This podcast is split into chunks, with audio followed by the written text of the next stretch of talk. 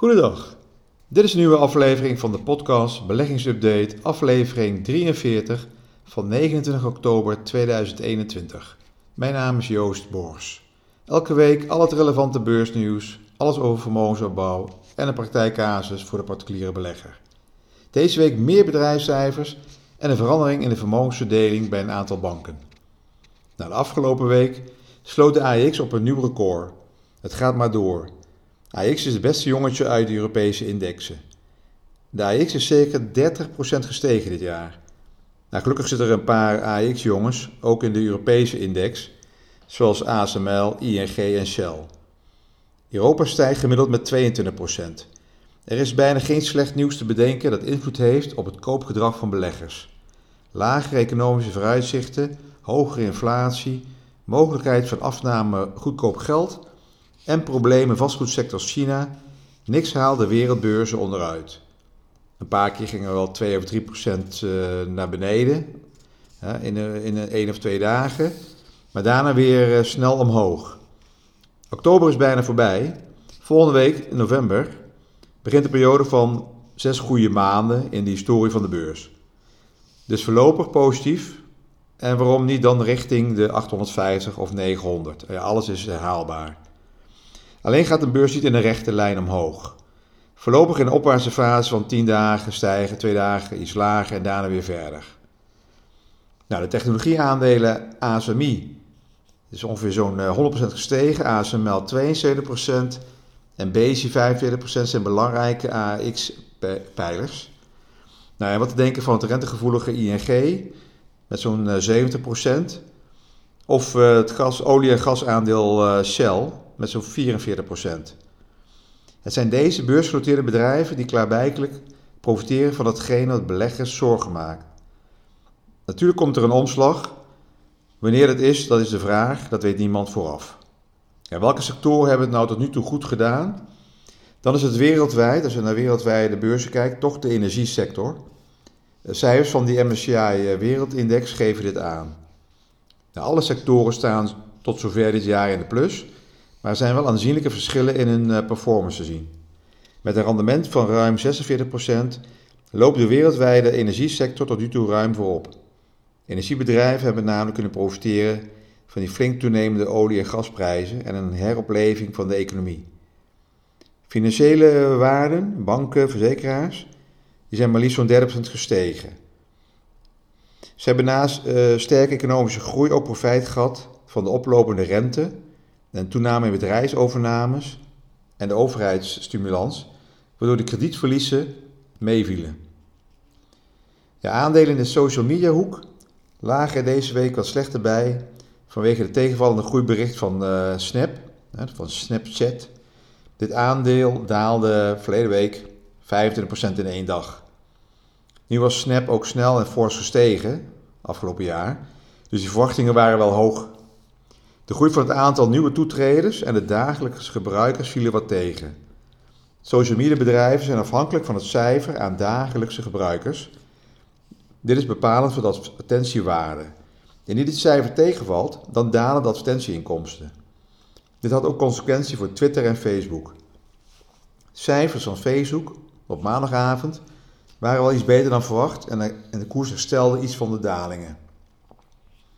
Nou, deze week ging het kwartaalcijferseizoen verder met onder andere de resultaten van die vijf grootste techbedrijven. Nou, dat zal wel blijken of ze nog steeds goed genoeg zijn om tegenwicht te kunnen blijven bieden aan de aanstaande tapering door de Amerikaanse centrale bank. Ja, tapering is het, eh, het, het terugschroeven van die stimuleringsmaatregelen die die rentes zo, lang, zo laag hebben gehouden. Dat cijfers van Microsoft en Google waren ijzersterk toch uh, bijzonder deze mammoeten de omzet steeds verder kunnen laten stijgen met dubbele cijfers. Ze hebben dan ook geen, totaal geen concurrentie die iets aan tegengas kan geven. Voor Tesla kwam er deze week nog extra goed nieuws. De koers was alweer een twee weken aan het stijgen. Zo van rond de 600 naar uh, nu 1000, boven de 1000 zelf, 1060, 1070. Ja, het autoverhuurbedrijf Hertz, dat zelf net vier maanden uit het faillissement is, komt met een ambitieus plan om zijn eh, vloot te elektrificeren. Te beginnen met uh, plannen om 100.000 Tesla's te kopen. Nou, dit uh, meldde die nieuwsdienst Bloomberg. De orde markeert de grootste aankoop ooit voor elektrische voertuigen en komt overeen met ongeveer 4,2 miljard aan inkomsten voor Tesla. De bestelling zal de komende 14 maanden worden geleverd.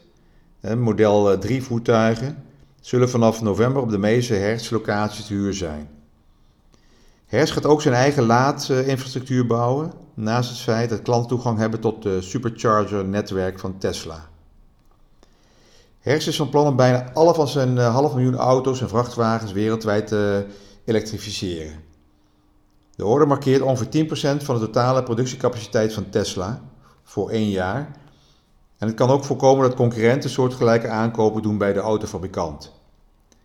Het rare is wel dat uh, de order is ongeveer 4 miljard, maar de koersstijging van uh, Tesla uh, bracht ongeveer 100 miljard aan beurswaarde bij. En dat zorgde ook dat Elon Musk weer nu echt definitief de allerrijkste man ter wereld is. Nou, er was nog een oud-analyst van de zakenbank Morgan Stanley. Die verhoogt zijn koersdoel voor Tesla naar 1600 per aandeel voor de komende 12 maanden. Ja, realiseer je wel dat Tesla nu al een marktkapitalisatie heeft wat hoger ligt dan de vijf grote autobedrijven gezamenlijk. Eigenlijk alle autobedrijven bij elkaar opgeteld.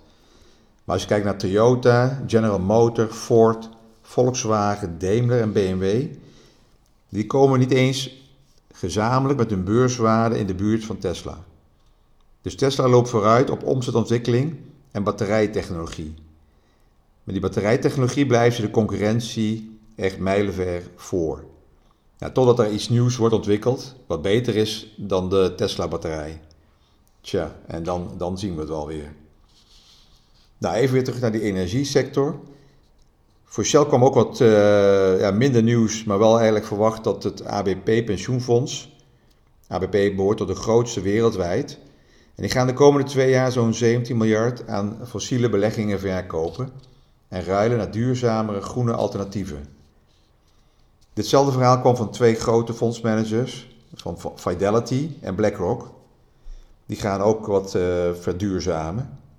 Maar wie gaat dan deze aandelen van eh, fossiele bedrijven als Shell, Exxon en BP nu kopen? Of gaan deze bedrijven sneller aanpassen aan de veranderingen? Daarnaast was er wel wat hoopvol nieuws voor beleggers. Op woensdagavond kwam het nieuws dat een Amerikaanse hedgefund, Third Point in, uit Amerika, een belang heeft gekocht in het bedrijf en hiermee Shell wil dwingen om het bedrijf te splitsen in een schoon energiebedrijf en een, een fossiel bedrijf. Dit zou meerwaarde kunnen creëren voor de aandeelhouders. Het aandeel Shell steeg woensdagavond in Amerika, zo'n 3%. En donderdag meldde Shell dat ze niks zien in dit plan, dat het niks toevoegt en dat ze hier al mee bezig zijn. En hierop daalde de koers weer 3%. Een hoop gedoe allemaal uh, en onduidelijk. Hij krijgt soms wel een vraag wat de optimale verdeling is. Dat is voor iedereen, wat is de optimale portefeuilleverdeling? Hij is eigenlijk voor iedereen een uh, andere individuele invulling. Wat passend is bij je eigen risicoacceptatie, je doelstelling, je looptijd en je leeftijd. De invulling van de juiste portefeuille noemen we de est-allocatie. De est-allocatie is dus de verdeling tussen die verschillende beleggingssoorten beleggingen binnen een bepaalde beleggingsstrategie. Een uh, beleggingsportefeuille wordt samengesteld uit verschillende beleggingscategorieën, zoals uh, kasgeld, hè, cash, aandelen, obligaties en alternatieven, zoals grondstoffen, hedge funds of private equity. Ja, beleggen is vooral spreiden. Die verdeling is een, een van de belangrijke onderdelen van beleggen. De verhouding tussen al deze beleggingen bepaalt het risico dat u loopt. Maar het bepaalt ook het rendement dat je kan verwachten. Een gekozen strategische assetallocatie bepaalt volgens uh, verschillende onderzoeken voor circa 80% het te behalen rendement in de lange toekomst. Ja, heel simpel uitgelegd.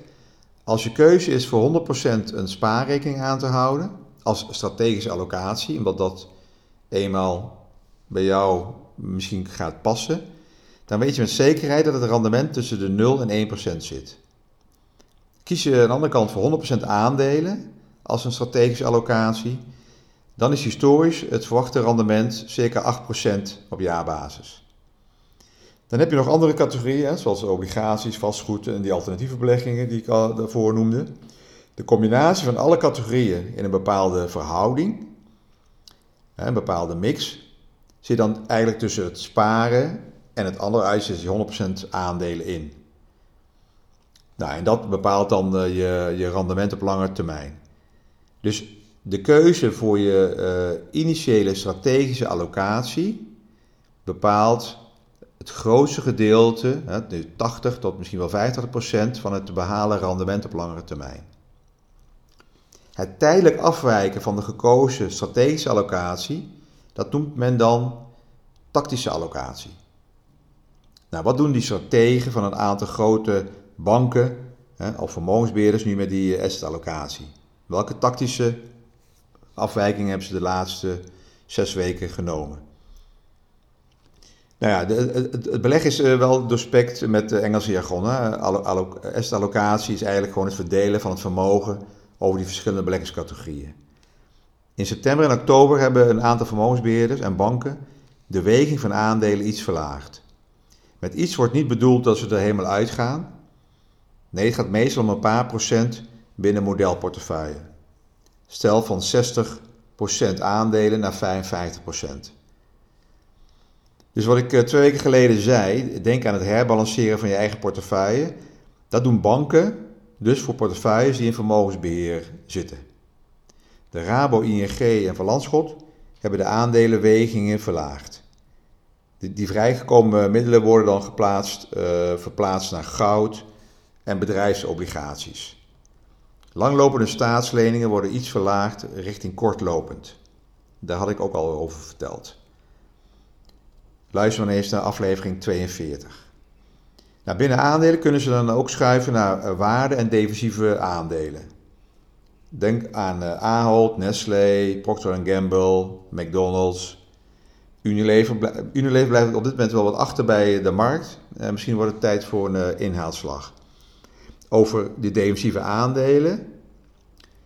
Daar kom ik dan volgende week op terug. Hè. Dat, dat noem je, dan kan je kijken naar de beta van een aandeel. En die beta van een aandeel bepaalt of een aandeel gevoelig is en hoe, hoe de bewegelijkheid van zo'n aandeel is ten opzichte van de totale markt. Nou, ik hoop dat jullie dit allemaal wel eh, wat begrijpen. Ik probeer het zo basis mogelijk uit te leggen.